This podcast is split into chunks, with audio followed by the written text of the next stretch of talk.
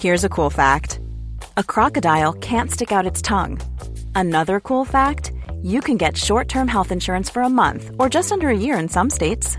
United Healthcare short term insurance plans are designed for people who are between jobs, coming off their parents' plan, or turning a side hustle into a full time gig. Underwritten by Golden Rule Insurance Company, they offer flexible, budget friendly coverage with access to a nationwide network of doctors and hospitals. Get more cool facts about United Healthcare short term plans at uh1.com. Quality sleep is essential. That's why the Sleep Number Smart Bed is designed for your ever evolving sleep needs. Need a bed that's firmer or softer on either side? Helps you sleep at a comfortable temperature? Sleep Number Smart Beds let you individualize your comfort so you sleep better together. JD Power ranks Sleep Number number 1 in customer satisfaction with mattresses purchased in-store. And now, save 50% on the Sleep Number limited edition Smart Bed for a limited time. For JD Power 2023 award information, visit jdpower.com/awards. Only at a Sleep Number store or sleepnumber.com. Jag heter Simon Gärdenfors och, Och jag, jag bor heter- i en stad. Och jag heter Anton Magnusson och jag bor i, i, på landet. Eh, vi ska ut med vår nya eh, standupföreställning Stad och land. Hur känns det Simon Gärdenfors? Jag är otroligt taggad. Härligt! Eh, vilka städer kommer vi till undrar du kanske? Undrar du det? Eh, ja, Ja. Jag, vet, jag har ingen aning. Nej, men eh, vi åker ut den 23 mars, börjar, först, eh, börjar turnén. Borlänge, Jönköping, Helsingborg, Kristianstad, Skövde, Örebro, Lund, Kalmar, Växjö, Linköping, Uppsala, Eskilstuna, Stockholm, Göteborg, Karlstad, Malmö, Sundsvall, Östersund, Borås och Varberg av alla jävla ställen. Eh, hjärtligt välkomna till Stad och land, en stand-up show om kontrasterna mellan storstad och landsbygd med Anton Magnusson och Simon Gärdenfors. Eh, A Love Supreme eh, Production. Så kom och kolla för, eh, för oss, för vår skull. Biljetter finns på specialisterna.se. Och du, Mm. det här är den perfekta julklappen. Ja. Hallå! Simon Gärdenfors heter jag och snart börjar min podcast Arkivsamtal. Som klipps av min redaktör Marcus Blomgren. Mycket nöje!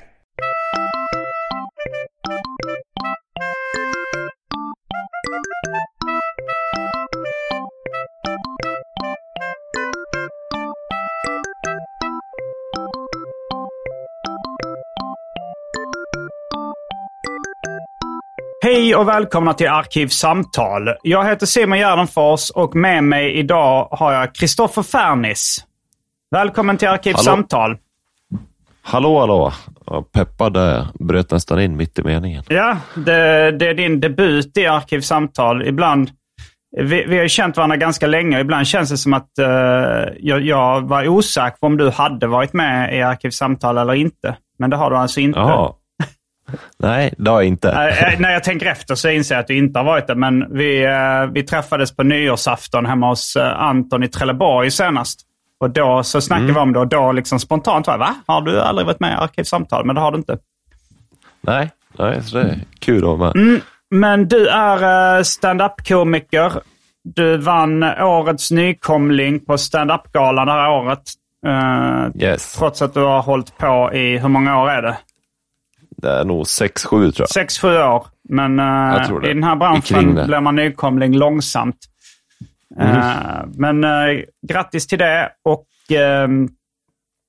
i, jag tänker att innan vi, vi sätter igång med själva merparten av avsnitten så är det, har det blivit dags för det omåttligt populära inslaget Välj drycken.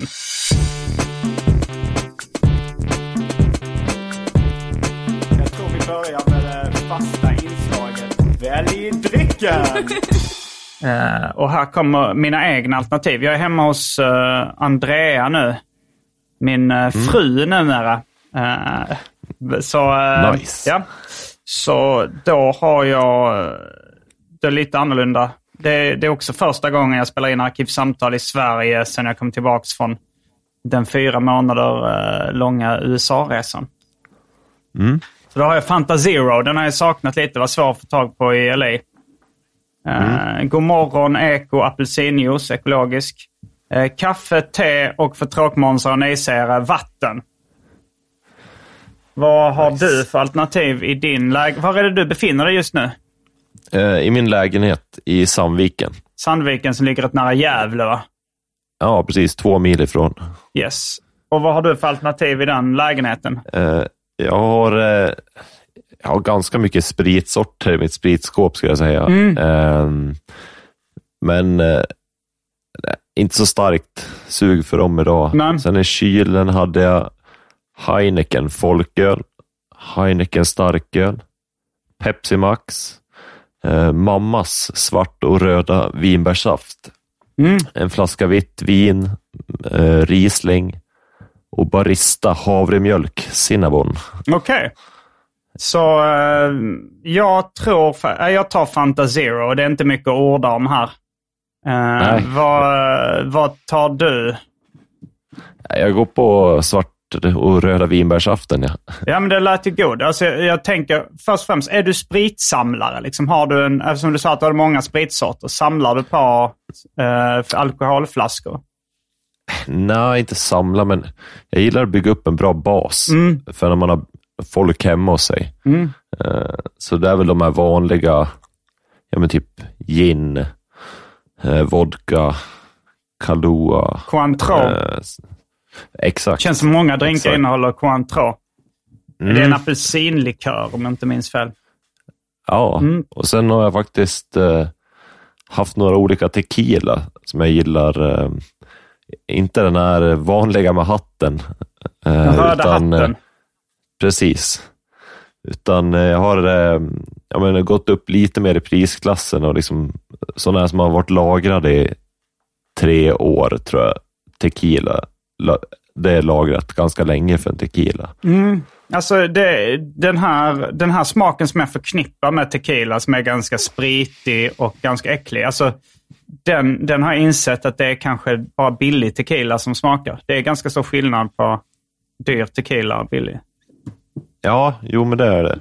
Eh, och de här som är lite lagrade, de heter väl så här anejo och extra anejo.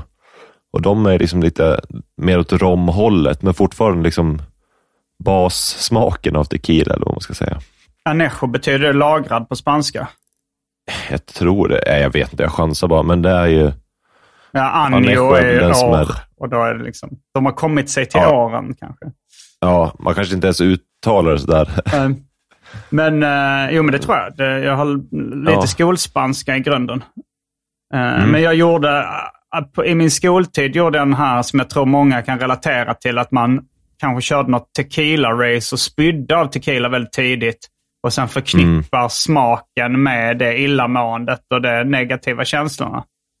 Ja, verkligen. Har du också det? Ja, jag har någon sån där tequila-fylla. Ja. Och sen, ett av de roligaste, som jag, jag var tyvärr inte med på den festen, men det var att jag hade en kompis som sprang runt med den där hatten på kuken, så att säga, på en fest. Så, så även om inte jag var med så hörde jag om det, så det är också starkt förknippat med den där billiga tequila. Ja. Eh, röd, eh, alltså är det inte att någon, alltså röd varningstriangel, brukar man inte säga var röd hatt om det på mediciner och sånt? Jo, det kanske är. Ja, det, eller har jag bara fått fram det? Men eh, ja, det, Ja. Det, man förknippar det med mycket äckligt. Och då, nu, Mm, nu har jag ja. fått ännu ett äckligt minne.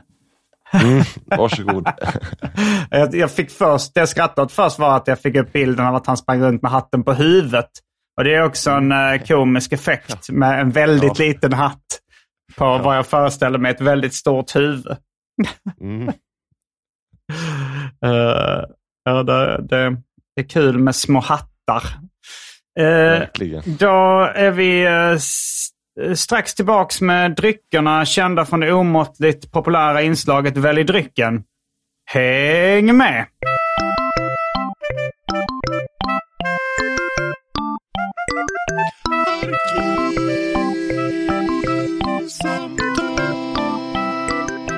Då är vi tillbaks med dryckerna kända från det omåttligt populära inslaget Välj drycken. Eh, Jag har Fanta och du tog eh, svart vinbärssaft. Ja, svart och röda vinbär, en blandning. Perfekt. Ja, och eftersom det här är din debut i Arkivsamtal så skulle man ju kunna göra det mer som liksom en, en intervju och gå igenom eh, hela ditt liv. Mm. Vad tror du om det? Absolut. Absolut, det här låter bra. Med, med då eh, öppning, eller vad säger man? Med möjlighet för sidospår. Absolut. Eh, var, eh, var är du född någonstans? Upplands Väsby tror jag. Mm. Lövenströmska hette det tror jag. Det är inte det enda du har gemensamt med Paolo Roberto. Nej, exakt. Jag kan inte komma på något annat i och för sig. Nej. Men det, jag inser att det var en kul anklagelse, eller underliggande Mm. anklagelse i det. Ja. Men, ehm, Eh, och eh, jag var... var ehm, hur, du, du är ju en rullstolsburen komiker. Det kanske vi ska få sagt redan Mm. Ja. nu så att inte folk sitter och Ja. undrar. Är han rullstolsburen eller inte? nej, exakt. Eh, så jag tänkte att vanlig fundering. Är det, är det ett liv, ehm, alltså är det, ser du det som ett liv före och efter eh, den här bilolyckan som orsakade din, eh, ditt handikapp? Ja, men det gör jag nog. I alla fall inom vissa grejer, ska jag säga. Mm. Eh, Hur var livet Det- innan, innan dess? eh, väldigt mycket idrott, skulle jag säga. Ja. Då, eh, Eh. då kan man säga att du, var, du är mer en person i min smak efter olyckan. Jag är inte så förtjust Mhm. i idrott. nej, Eh, nej. vad var det för sporter? Det, när jag var liten så höll jag på med allting. Eller när jag var liten, det är väl från ja, sjuårsåldern eller något sånt där. Mm. Eh, då är det fotboll, ishockey, innebandy och så lite längdskidor. Friidrott har jag också hållit på med. Eh, så det var mycket det som präglade men hela uppväxten egentligen, ska jag säga. Skulle du säga att det är annorlunda människor också? För jag, jag trivs rätt bra liksom i komikerkretsar och sådär. och Folk, men, Mm. men jag umgicks rätt mycket med sportkillar i uh, högstadiet.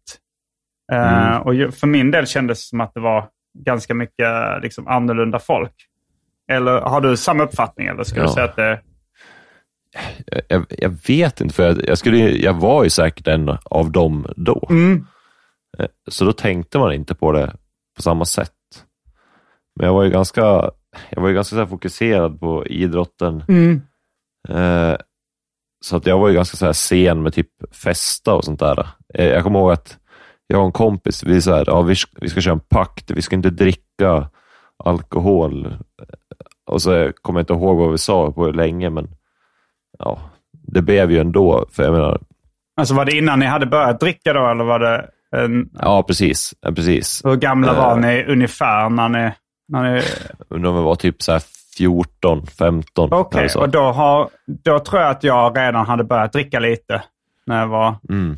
Men hur, eh, hur lång tid tog det innan du började dricka då?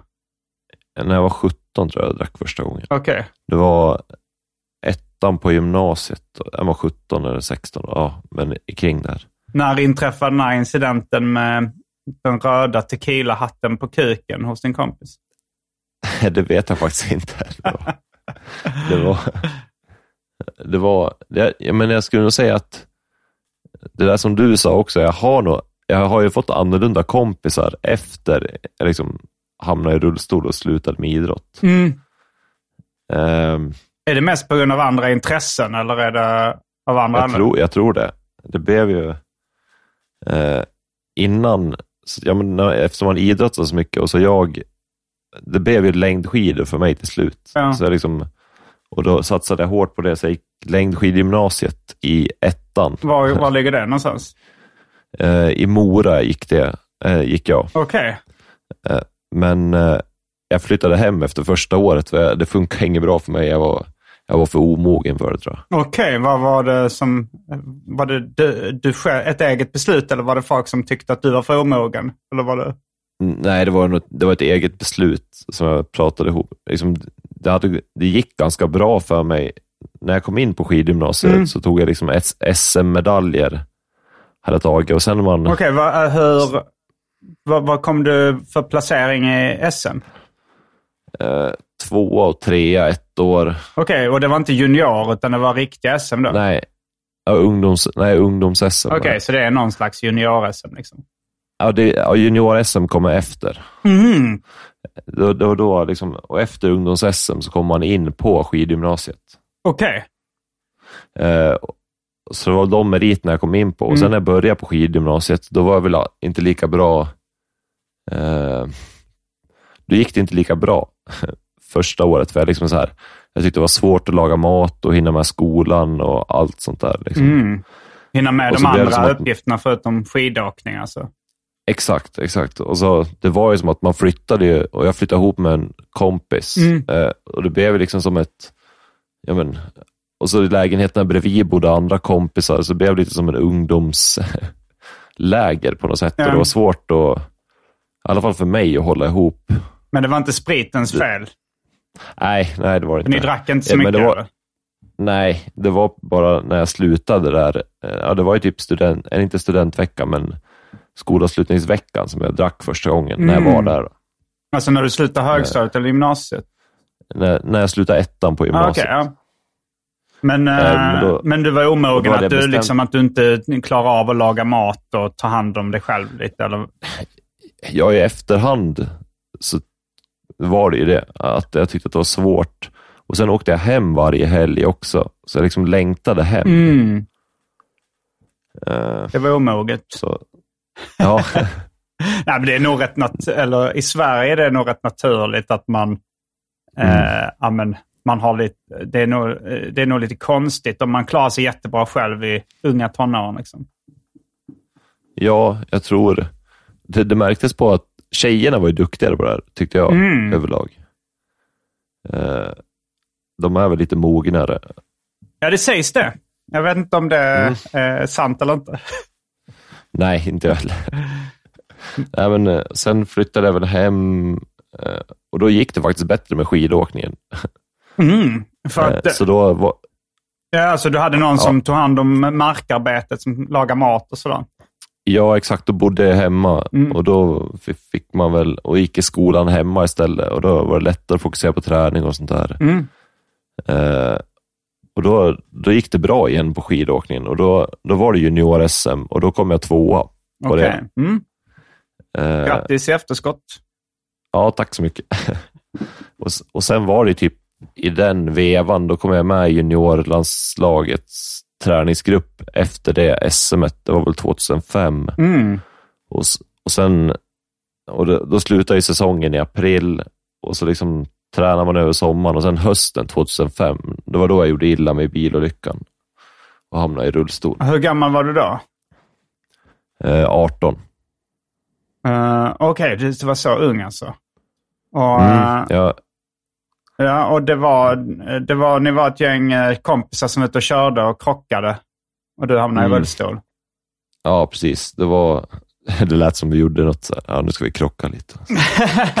Nej, en olycka. Nej, nej, men det, ja, precis. Nej, men det var väl jag och en kompis som var lite, jag vet inte, jag var så jävla taj på att köra fort. Thai? Eh, över, ja, men liksom taggad och ja. Mm. peppad. Så här. Jag var, jag vet inte, jag hade någon jävla fascination för det där. Mm. Och jag hade, precis, jag hade faktiskt fått mitt körkort dagen innan det här Okej, hände. men det var inte du som körde? Eller? Nej, jag satt bredvid. Ja. Och så, så körde min kompis. Och så var det några andra som var ute och körde, några unga också, som vi var, ja men, då såg så hetsade väl de lite. Och så, Alltså de körde bredvid. så- De körde bredvid. Liksom. precis. Ja, och så körde vi kapp. Och så, ja, så blev det en olycka för att man är inte så duktig på att köra bil när man är 18 som man tror att man är. Körde ni av vägen eller krockade ni in i dem? Eller? När det var så att vi körde om dem Mm. och sen så körde vi på och så kom vi till ett skogsparti där lite smalare väg. Det var liksom mötande trafik och sånt. Det var ingen, Vilken, vad Eh, var det och- här? Utanför Mora eller var det? nej, utanför Sandviken. Okej, ja. Ja, och så då skulle min kompis köra om en bil. Mm. Så gick han ut och kollade, men då kom det en mötande. Så då gick han liksom tillbaka. Han körde inte om, Nej. utan han avbröt omkörningen. Och då kom de som vi hade kört mot bakifrån och krockade in i bilen. Okej. Så att våran bil kom i motsatt körfält och, krock, och, och den bilen som kom och åkte mot oss körde in bakom. Jag satt ju passagerare fram. Mm. Så han körde in bakom mig så att våran bil voltade. Okej. Och då fastnade eh, den där balken som håller upp taket Mm. på bilen i fram. Den fastnade på min hals. Liksom. Jävlar. Um, Mm. Men det är liksom... Så bilen voltade ju runt och Mm. la sig på rätt på alla fyra hjul, men då satt jag fast där. Eh, men det konstiga var att liksom, det gjorde inget ont eller du blev inte medvetslös eller? Nej. Okej. Så du satt fast där tills ambulanspersonal och räddningspersonal kom alltså? Mm.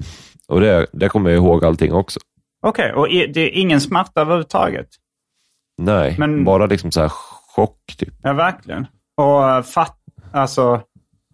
Och sen, ja vad hände sen liksom? Du hamnade på sjukhus? Jag, jag, fatt, ja, exakt, jag fattade att något var fel. Ja.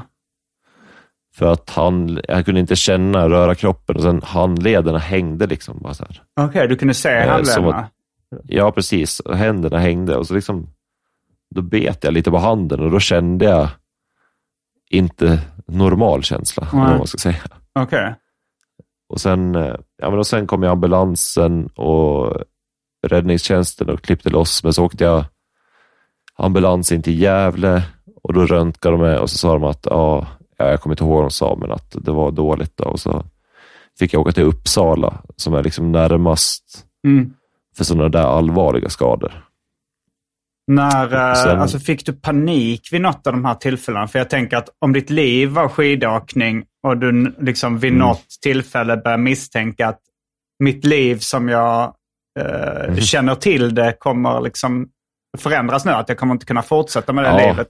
Det, det, jag bara lever mig in i den paniken. Alltså, när kom Mm. den? Det kom, alltså det gick, det gick i vågor när jag satt där. Mm. Att det, Det kom redan Det första- i bilen liksom. Ja, precis. Eh, det måste vara många tankar. Det var typ så här, ja fan, nu, nu får jag... Och så en gång, eh, det kom liksom, fan nu är det slut på skidorna. Och sen tänkte jag på så här, jaha, för att, då får jag väl titta på tv resten av livet. Jag tänkte, Redan där i bilen tänkte du det? ja, ja, det var Det är jättekonstigt. ändå väldigt blev jag så här, positiv att så här, ah, då får jag Ja. kolla på tv.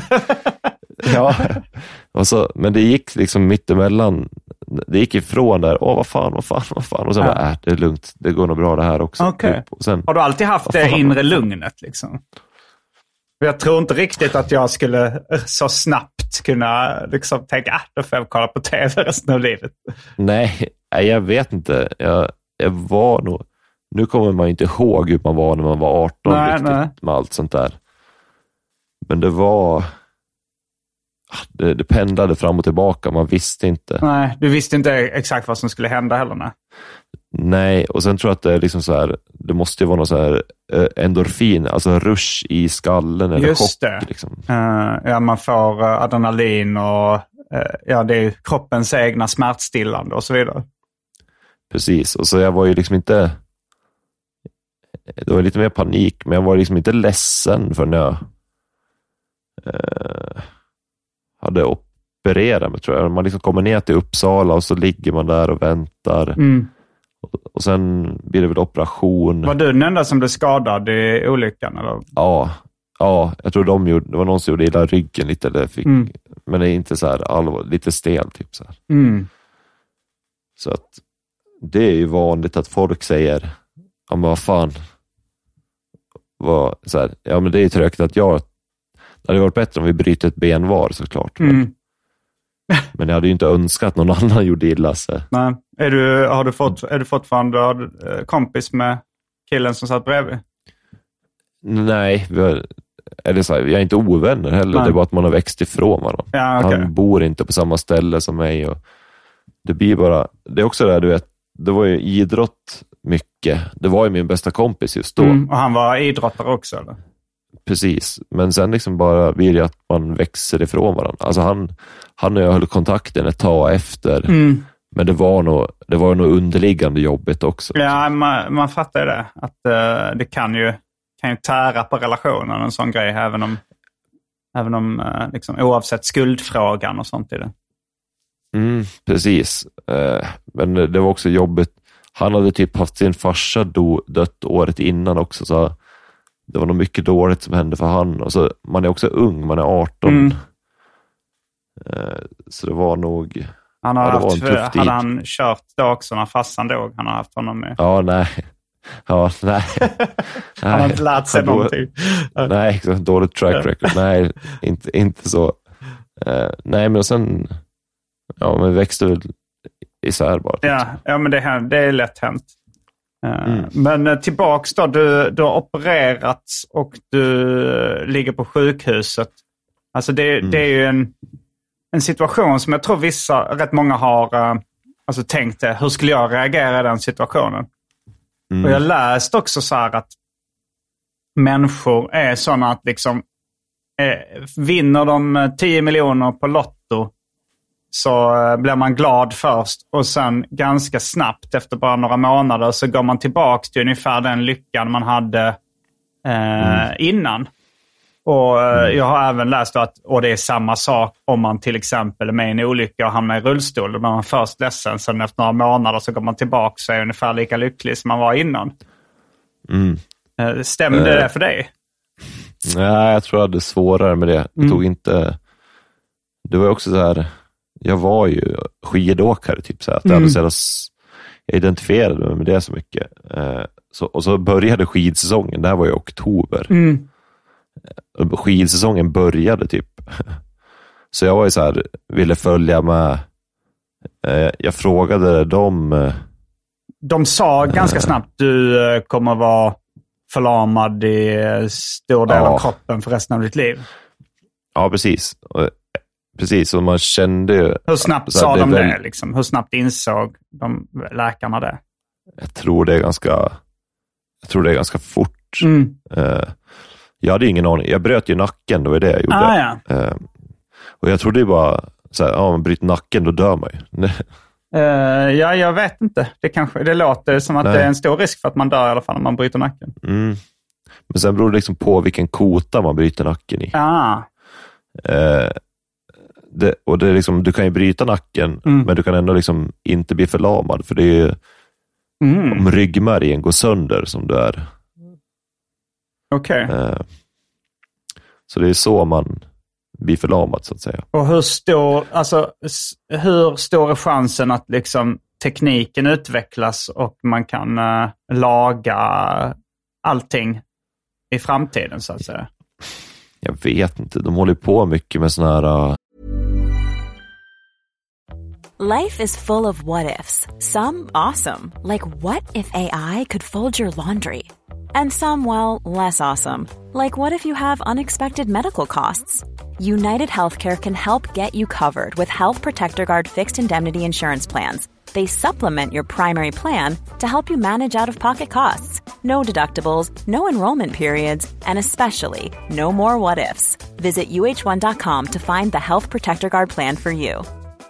Quality sleep is essential. That's why the Sleep Number Smart Bed is designed for your ever evolving sleep needs. Need a bed that's firmer or softer on either side? Helps you sleep at a comfortable temperature? Sleep Number Smart Beds let you individualize your comfort so you sleep better together. JD Power ranks Sleep Number number 1 in customer satisfaction with mattresses purchased in-store. And now, save 50% on the Sleep Number limited edition Smart Bed for a limited time. For JD Power 2023 award information, visit jdpower.com/awards. Only at a Sleep Number store or sleepnumber.com. Life is full of what ifs. Some awesome, like what if AI could fold your laundry? And some, well, less awesome, like what if you have unexpected medical costs?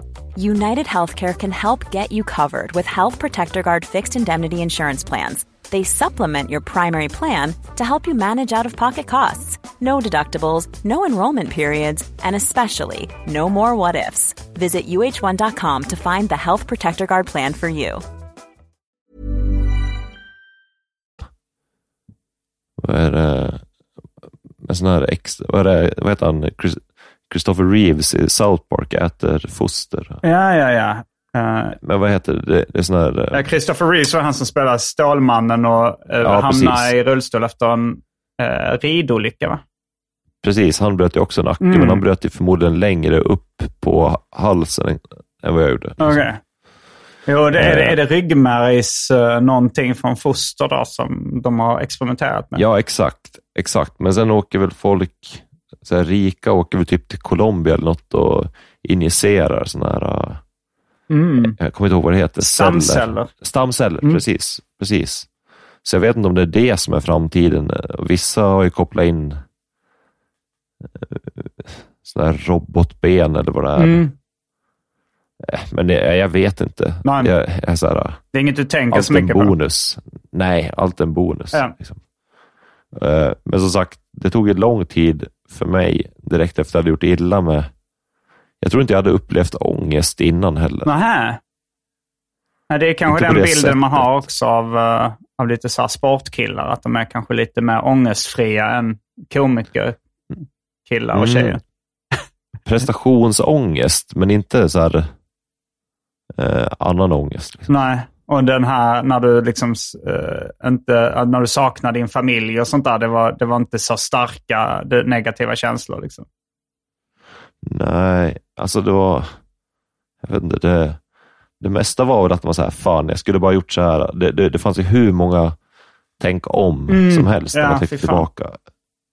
Ja, det, det tog ju lång tid att bli av med det. Ja, det är lätt att vara efterklok. Tänkte du det många Ja, gånger? verkligen. Ja, ja, det kan jag säga. Men, eh, men, men då upplevde du ångest liksom ganska mycket i början? Eller? Mm. Jag kommer ihåg att det hjälpte med frisk luft. Öppna fönstret eller bara åka ut Ah. och sitta ute. Mm.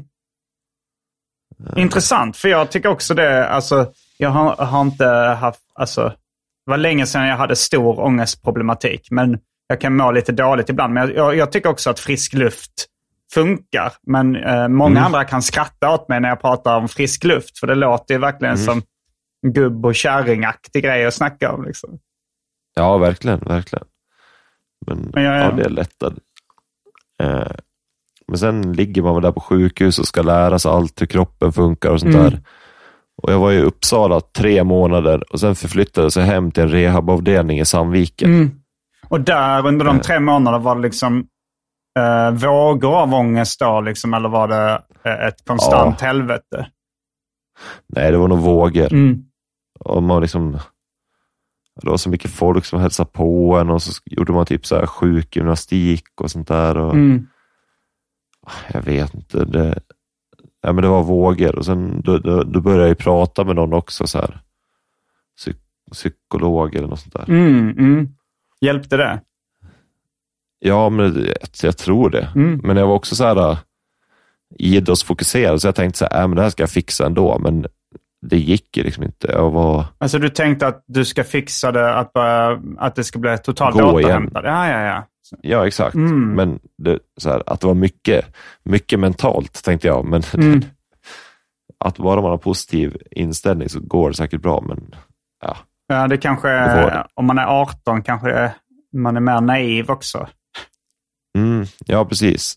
Eh, så att, äh, men det, ja, det, det var, det var tufft. Ja, kan, du, kan du slitas tillbaks? Till, alltså, kan du få ångest än idag? Uh, alltså på, på, med tankar eh, kring det här? Eller? Alltså, Ja, ja, sömnlösa nätter kan jag nog få det. Okej. Eller inte så mycket, ja men det är mer tankar så här, fan, om det hade varit, undrar hade varit idag om jag inte hade gjort sådär. Mm. Men att jag kan ju bryta av det ganska. Men jag menar på natten är ju alla mentalt svaga ofta. Ja, när jo, man ligger jo, vaken. alla kan ju få ångest och man brukar ju koppla det till någonting. Men, eh, Mm. men, eh, Men- frågan är då om du kopplar alltså, så här, det till den här olyckan då, när du har ångest ofta. Att det är det du tänker på. Liksom. Ja, nej det gör det inte. Men, Det, det känns som att jag kommer över det. Men det är fortfarande, ibland blir man ju så trött bara på, fan, fan vad skönt om det inte hade varit så här. eh, hur gammal är du nu? Eh, 35. Okej. Så det var ett gäng år sedan. Ja, nästa år har jag suttit i rullstol lika länge som jag inte suttit i rullstol. Okej. Så halva livet blir nästan. Mm. Eller, eller i år blir det ju. 2023. Ja, då, Då är det, då är det grattis ja. Nej, men då är, då är det liksom, om vi pratar om livet före och efter så är det ett bra tillfälle i alla fall. Att uh, lika ja, länge av båda. Uh, precis.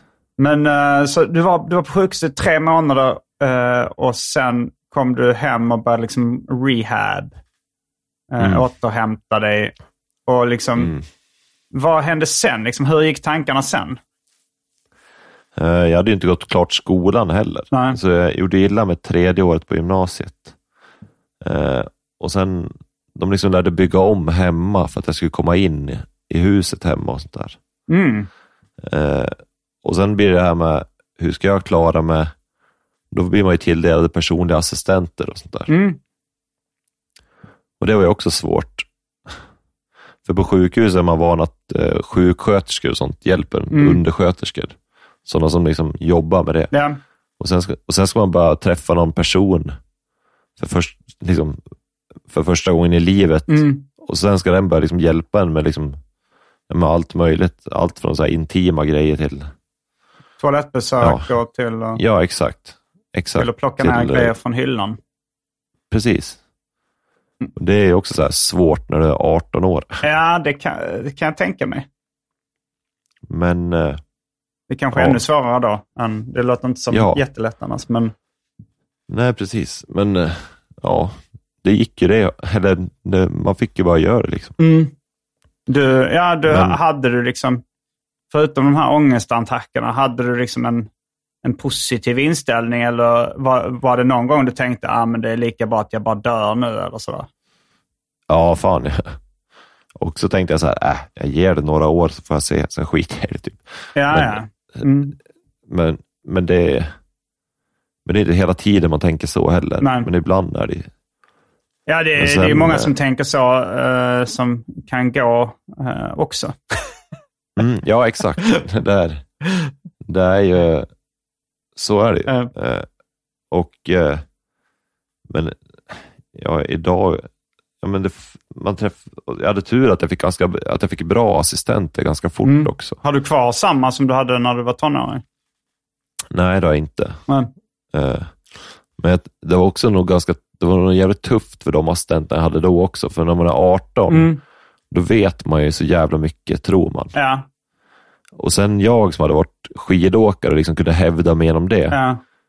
Nu hade liksom, man känner nog sig lite så här, ja, vad är jag bra på nu? Så då lär man hävdas på något annat sätt genom att vara kaxig. Typ, eller, jag, vet, jag vet inte, jag var någon jävla besserwisser. Ja, alltså. jag var nog, alltså jag är fortfarande ganska kaxig skulle nog många säga, men jag kanske var som värst när jag var 19. Mm. Uh, och uh, Okej, okay, så du var, du var uh, kaxig mot de här assistenterna eller? Ja, men jag tror det. Typ att man var liksom så här ja, det här vet jag mest om. Så fort man fick en chans om det, så här, vadå, vet du inte det? Typ så här, ja. att, att, man blev... Men, uh, det... men du kom ändå bra överens med dem? Ja, de är ju jävligt tåliga. Och sen tror jag att det inte var så hela tiden, utan det är ju så ibland.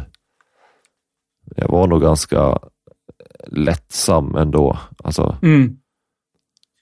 Eh, och ja, jag vet inte, men sen började jag umgås med mina vanliga kompisar som jag hade i skolan, men som jag inte umgicks med så mycket på helgerna. Liksom, de som var mer av och festade, de som jag hade spelat fotboll med, men liksom eh, hemma där, där jag bodde i Årsunda utanför med Sandviken. Med dina barndomskompisar liksom?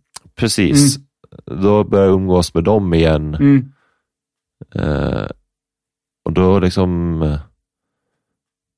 då glömde man ju bort skidåkningen. Att mm. den, så då började hänga med dem och sen tror jag att det tog något år. Jag tog ju studenten där efter jag kom hem och bodde, så började jag om skolan och sen började jag umgås med dem. Mm. Och då blev det där festandet. Okej. Okay. Så då kom man snabbt in i det. Då hade man väl mycket gemensamt. Och de var liksom så bra jag tror att jag alltid haft bra kontakt med dem för att jag har varit så himla öppen också. Mm. Liksom, och festandet bra. är då liksom lägenhetsfester framförallt då? Att uh, ni Precis. sitter och, och super och snackar och lyssnar på, Precis. lyssnar på musik gissar Ja, ja. Bra, bra gissning. Jag vet inte riktigt vad man annars kan göra på fest, men det Nej. finns säkert en hel del. Ja. Nej, men så då blev det, det blev ju ganska mycket festande för mig där. Mm. Det har det varit ganska länge tror jag. Alltså, Alltså, eh, men, men det var ändå...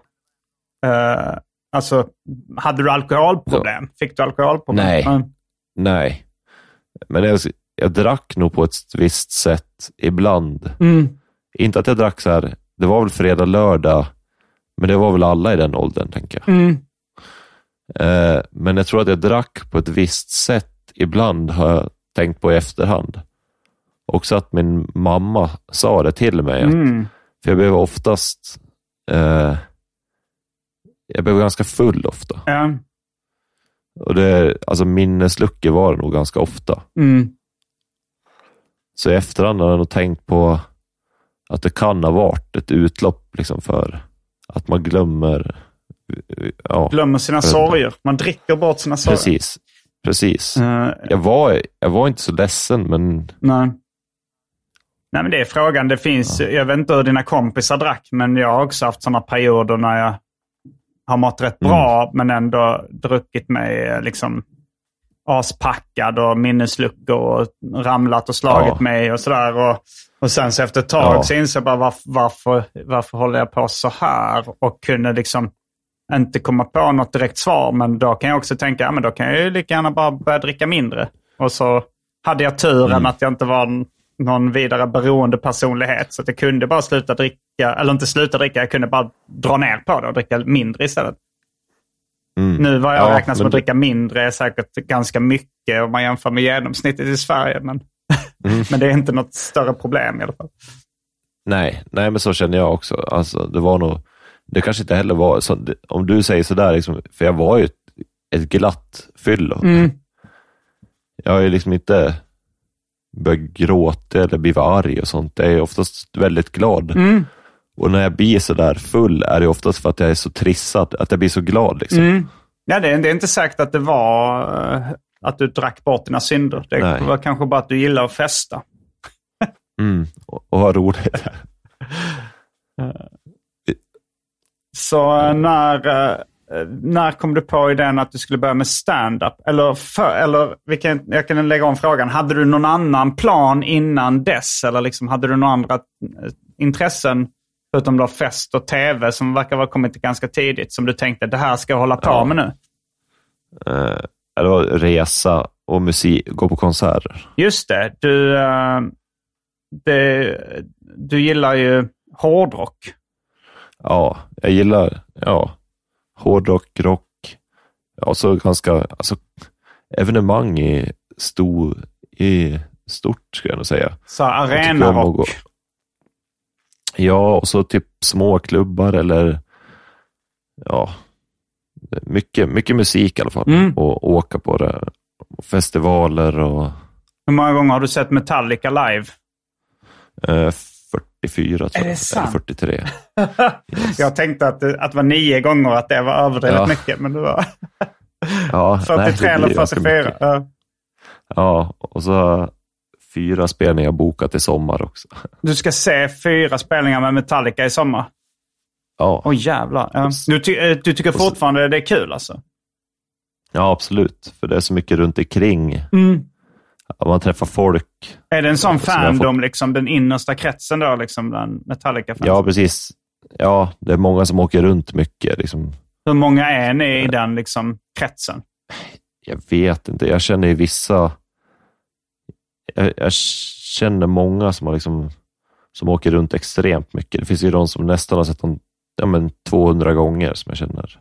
Mm, oj, ja. Eh, både så svenskar och sen är det typ så här polacker, fransmän, eh, belgare, amerikaner. Mm.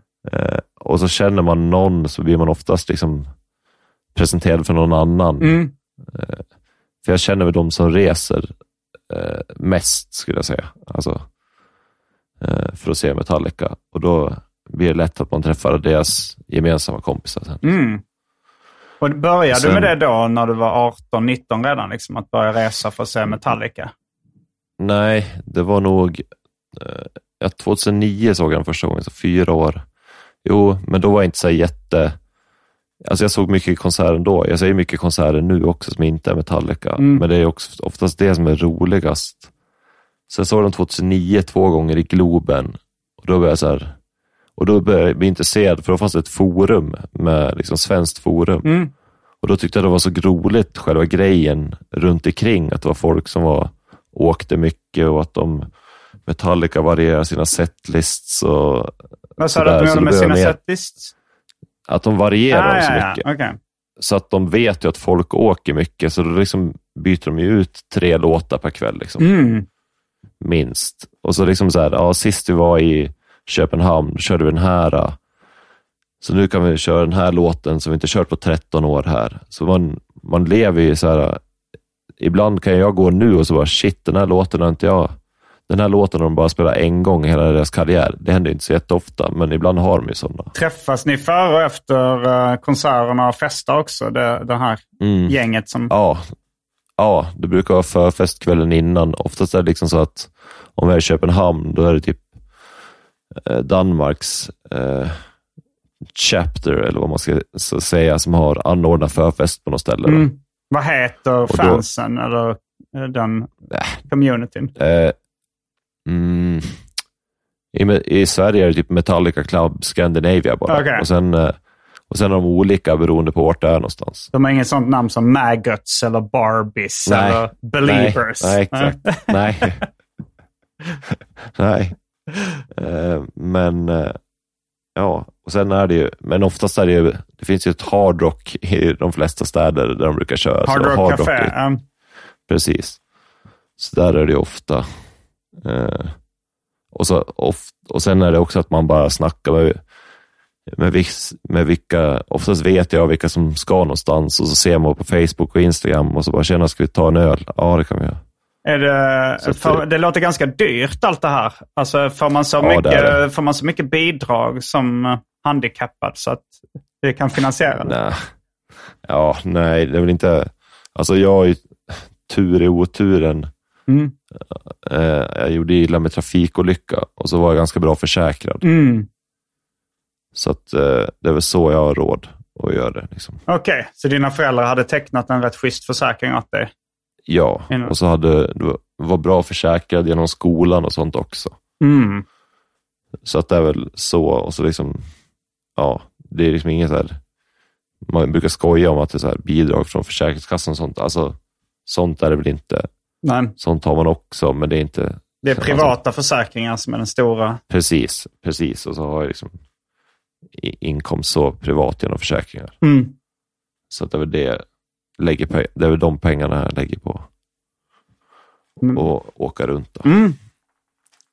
Men det, ja, det är liksom, fan. Det är kul. Det är, det är bra att det funkar. Ja.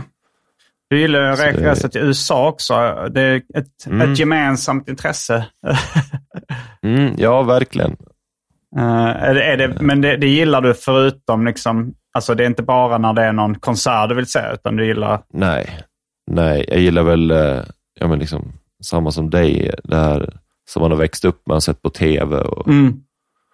Bland det roligaste man kan göra första gången man är i USA är bara att gå på en liksom, affär och kolla vilka flingor de har. Ja, absolut. Det gör, det gör jag väldigt, eh, har gjort väldigt mycket i USA. Och det nämligen också så här populärkulturella referenser och eh, mat. Vi har ju båda ett ramenintresse också. Mm, ja, det har faktiskt du väckt i mig. Ja. Det, det var, det var, ja, det, jag gillar verkligen det. Mm. Hur är Jag, jag är det inte lik, i jag är Sandviken?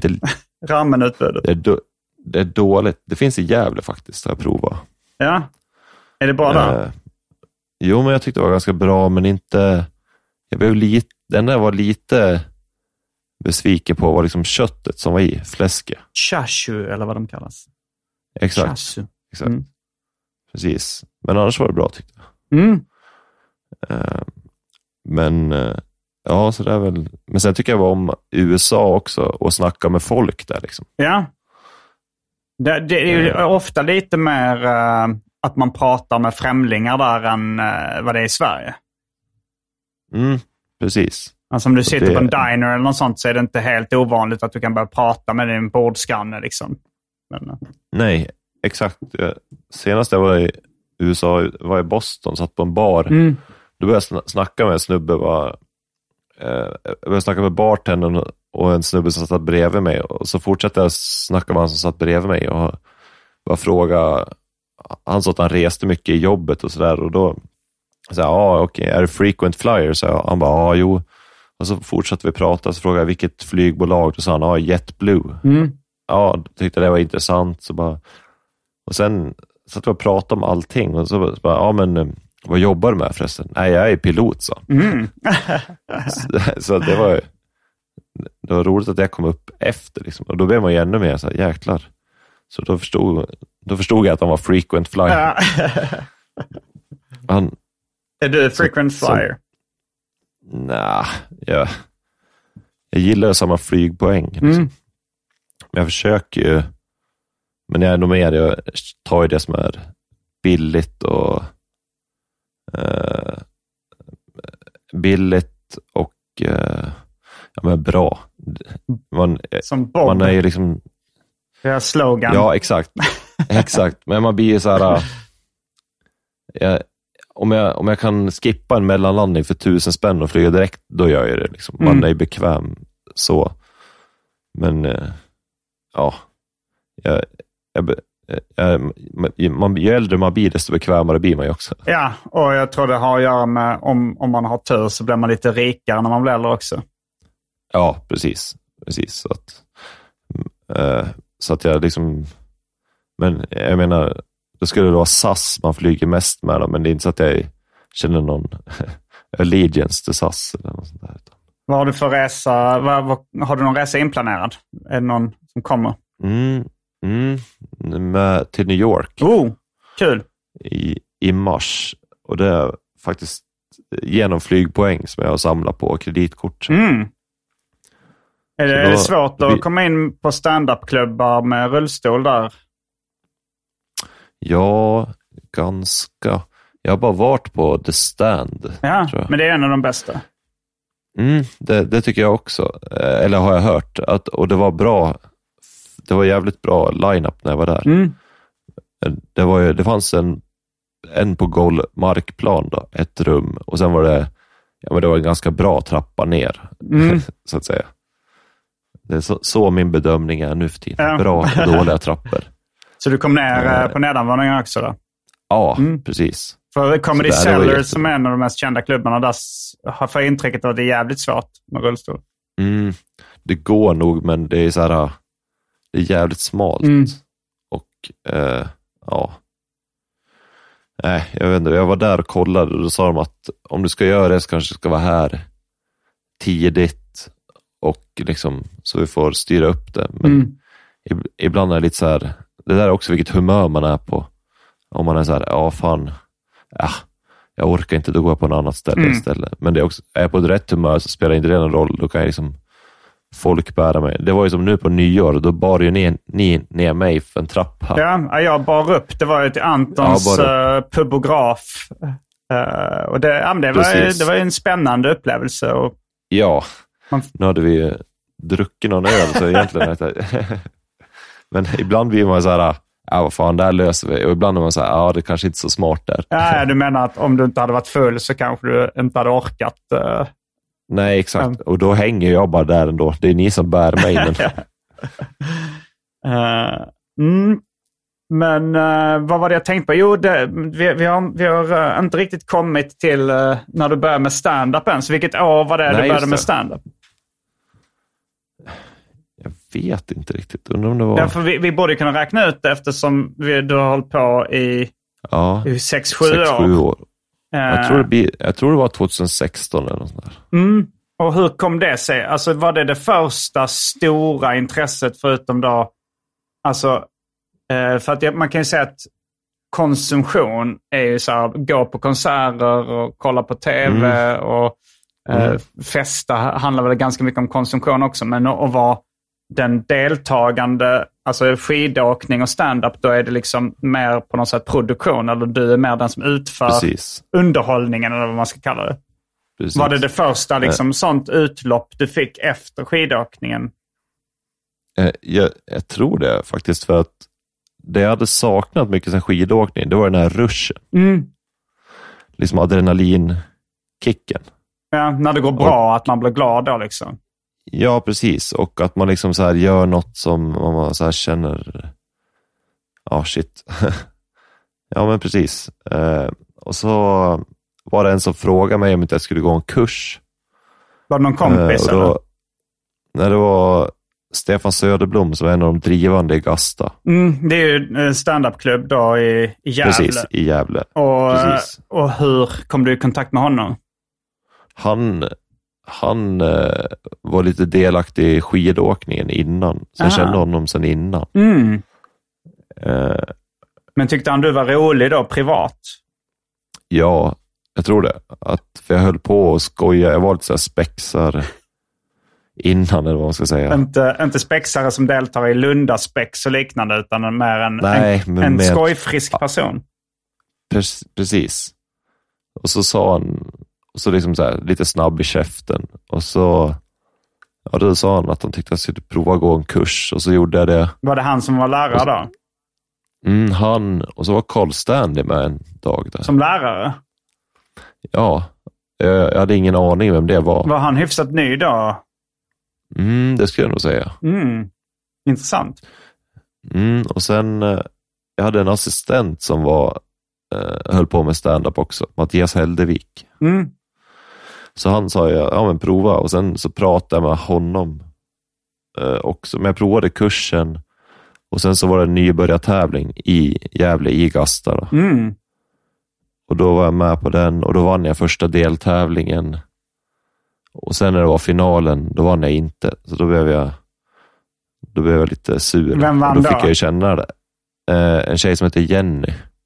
Okej, hon håller hon på Eh. fortfarande? Nej, Han? Eh, men då blev jag ju lite, då var det ju så här tävlingsgrejen igen. Ja, ja, ja. Mm.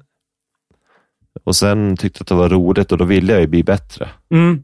Och så hjälpte Mattias då, som var, var assistent, han jobbade åt mig då också, då, så att prova på att köra på Big Ben i Stockholm. Mm. Så han liksom visade det. Så då började jag med det. Då åkte jag ner dit någon gång. Var jag där första gången du körde på Big Ben? Jag vet inte faktiskt. Den enda jag kommer ihåg var typ Petter Bristav tror jag. Okej, ja. Och, Martin Lagos var nog där också. ja. Det är, lite, det är lite en tidsmarkör. Liksom. Det är ganska sällan nu de två kör på Big Ben. Mm. Men du sa, var, var det här, vilket år ungefär snackar vi nu? 2017 kanske. Okej, så det är ju ganska nyligen. Ja. Jag tror det. Ja, det är sex. Jag tror det. Ja, eller, ja, 2016 det är ju hjärnan 17. som tror att uh, år 2000 inte Mm. var så länge sedan. Att uh, 2017 är inte jättenyligen. Men jag bara tänker, ja, men det var ju Nej. strax innan pandemin där. Det var... Mm, ja. Nej, men och sen blev det väl att man sa hej till någon. Jag kommer inte ihåg när vi träffades första gången. Nej, det kommer inte jag ihåg heller. Alltså, jag, jag kommer ihåg att jag tyckte det var roligt när, när, eh, när jag såg det första gången. Men jag, kommer, men jag kommer inte ihåg om vi snackade så mycket de, de gångerna. Det, det har mer liksom långsamt eh, glidit in i någon slags vänskap när vi, när vi Mm. började snacka liksom, och kom in på ramen och USA, alltså gemensamma intressen och sånt där. Så. Ja. Ja. Och sen känns det som att du har blivit ganska bra kompis med Anton också. Så. Mm. Så det är eh, på den vägen. Men, det, det, Ja. men jag kan inte komma, komma ihåg någon sån här uh, Eureka-stund när Nej. vi, när vi sågs första gången. Nej. Jag kommer ihåg att jag var konferencier på Gasta i Gävle när du och Anton skulle köra. Och Det var första gången och då- det var så jävla dåligt. Då hade jag kanske kört i två år eller något sånt Du där. hade kört två år? Okej. Ja, och då hade jättesvårt med det där. Men, eh, för man hade ju typ sitt material Mm. på åtta minuter eller något. Då skulle man vara konferencier och man vågade ju inte publiksnacka nästan. Så det var Nej, liksom, just det. Men jag, jag har aldrig, jag minns inte någon gång du har liksom bombat eller sådär. Nej. Det tog, det tog ganska lång tid för mig att bomba riktigt tror jag. Mm. Eh, alltså man, det, gick inte så, det gick ganska bra i början För, vad, vad Eh. hände då efter du hade... Du blev sur att du inte vann den här tävlingen, men du fortsatte ändå? Mm. Eller? Ja, precis. Och så kom man in mer och mer och så blev det så här. äh, Jag kommer ihåg hur spännande det var när man bara såg folk. Jag började lyssna på, jag hade kompisar som lyssnade på poddar Mm. med typ AMK. Ja. Och så började jag lyssna lite på det. Och så tror jag att det var det där, du vet, när Nisse Hallberg hade sin eh, YouTube-serie med praktikanten. Just det. Mm. Det var precis när jag typ började, då var det så spännande med allting. Mm. Att man, att man, ibland såg man folk som man hade hört i en podd och sånt där. Liksom. Ja, men det är jävligt roligt att det har blivit en sånt universum liksom kring det. Mm. Så jag hade liksom ingen erfarenhet innan, så jag var inte så här... Det var väl, jag blev ju aldrig så starstruck eller något, men man, man tyckte ändå det var... s- Jag, det blev lite spännande i alla fall när man Mm. så här såg. Och att man pratade med någon så här, ja den hejar tillbaka, den, kom den såg när jag körde. Ja, Alltså, sånt var kul. På ett sätt kan jag sakna det. ja jo, de här, eh, jo det kan jag ibland också. Alltså på ett sätt är det ju mycket roligare nu när man får betalt och får bo på hotell och Mm. eh, det går Mm. bra. Men just det här spänningen när man var på de tidiga klubbarna och började lära känna folk och sådär. Det, det var ändå magiskt på något sätt. Ja, och, eh, men det tog ju ja, just det, det tog som sagt lång tid innan jag bombade rejält Mm. första gången tror jag. Eh, och då var det ju, eh, ja det var ju jobbigt, Mm. men man glömmer ju bort det så fort man kör igen nästan. Det är bara att man känner att man vill inte ha den känslan. Nej, nej, det gör, kan ju göra väldigt ont. Speciellt, alltså nu tror jag, nu har, jag liksom kört över 1500 gig eh, Mm. och bombat rätt många gånger. Så nu, gör det, nu är jag rätt van vid att jag blivit mer hårdhudad på det sättet att Mm. det gör fortfarande ont, men inte, inte så jätte. Liksom. Nej, Jag, Man- jag tycker det är värre också om man bombar inför, eh, som nu i, när jag var i LA, så var det också, jag tyckte det var värre när Andrea var med och såg de Ja. här liksom tokbombningarna. Då, ja, då gjorde det mer Ja. ont. Liksom. Men, ja. Men, men det är jävligt roligt att berätta för kompisar efter tycker jag, när man har bombat. Att det är så här, fy fan. jo, jo, absolut. Det blev ju bra. Alltså, jag lyssnade idag på eh, julavsnittet av Snedtänkt där Kalle Lind pratar med Henrik Dorsin om eh, Mm. Det om revy de pratar om. Och då så går Henrik Dorsin igenom ett sånt katastrofgig eh, de hade med Grotesco i Lund, på Lunds Comedy Festival. Och eh, Mm. Man hör ju liksom smärtan i hans röst Ja. och sådär. Men det blir ju absolut en, en rolig anekdot och rolig historia. Vilket inte hade Ja. blivit om det hade gått bra. Så, Nej, så på ett sätt så som komiker eller som, eh, som poddare och sådär, som- eller om man håller på med självbiografiskt berättande eller i alla fall något kreativt uttryck där man liksom berättar, då, då på Mm. något sätt så kan man inte förlora till 100 procent. För alla, Nej. alla motgångar och allting jobbigt blir ju de bästa historierna oftast. ja, exakt. Det är, jag brukar säga att det är sällan något som, så här, som berättar en historia och så är det bara så här, ja, och sen gick det bra. ja, bra. Det kul historia. Ett lyckligt slut är i och för sig eh, rätt poppis i Ja, det kan Hollywood. det. Ja, det är sant. och på andra ställen. Men, eh, men, eh, men har du, någon, har du något, eh, någon intressant historia med någon tokbombning eller var det bara så här, det var ingen som skrattade? Det gjorde ont. Ja, det är, ja, det är typ så. Eh, att det, det, det var tyst, det var ingen som skrattade, att man bara står där och harvar Ja. och att man kör 25 minuters material på 10 minuter. Mm. Och det är ju jobbigt. Du har aldrig blivit häcklad av någon funkofob eller sådär? Nej, men jag har haft en eh, dam som var lite för full som har kommit upp och kramat mig när jag var på scen. Det är nästan värre. Mm, och, då, och då var jag och då var jag så himla ny också, så då hade jag inte så mycket att säga. Det är så här, någon slags eh, vä- missriktad välvilja skulle jag säga. Ja, exakt. Det är som en klapp på huvudet. Ja, verkligen. Ja, men ehm, vi har, vi har just börjat skrapa på ytan på, uh, på liksom när du gav dig in i humorbranschen och sådär. Men jag tänker att mm. vi, vi uh, kan spara lite till det Patreon-exklusiva uh, delen av den här podden.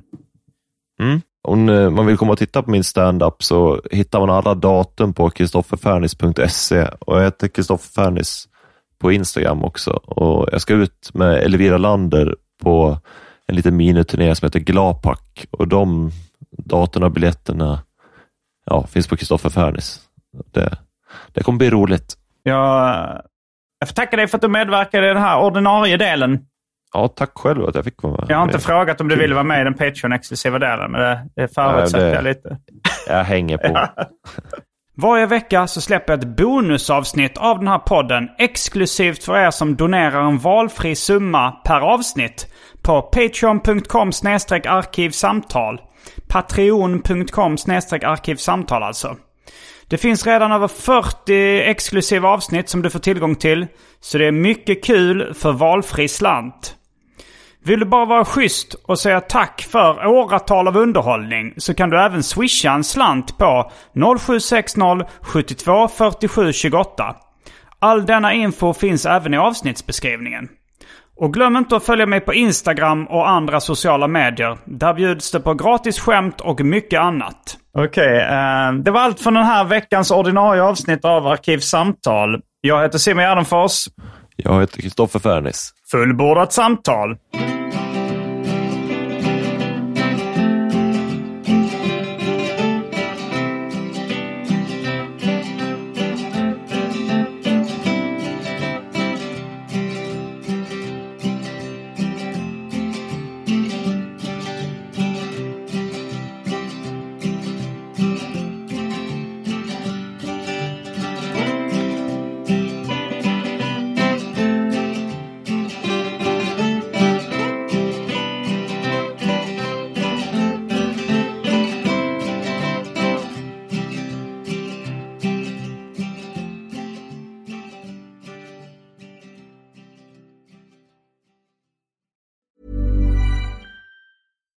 Hi, I'm Daniel, founder of Pretty Litter. Cats and cat owners deserve better than any old fashioned litter. That's why I teamed up with scientists and veterinarians to create Pretty Litter. Its innovative crystal formula has superior odor control and weighs up to 80% less than clay litter. Pretty Litter even monitors health by changing colors to help detect early signs of potential illness. It's the world's smartest kitty litter. Go to prettylitter.com and use code ACAST for 20% off your first order and a free cat toy. Terms and conditions apply. See site for details. Hey, it's Paige DeSorbo from Giggly Squad. High quality fashion without the price tag? Say hello to Quince. I'm snagging high end essentials like cozy cashmere sweaters, sleek leather jackets, fine jewelry, and so much more. With Quince being 50 to 80% less than similar brands. And they partner with factories that prioritize safe, ethical, and responsible manufacturing. I love that. Luxury quality within reach. Go to quince.com slash style to get free shipping and 365 day returns on your next order. Quince.com slash style.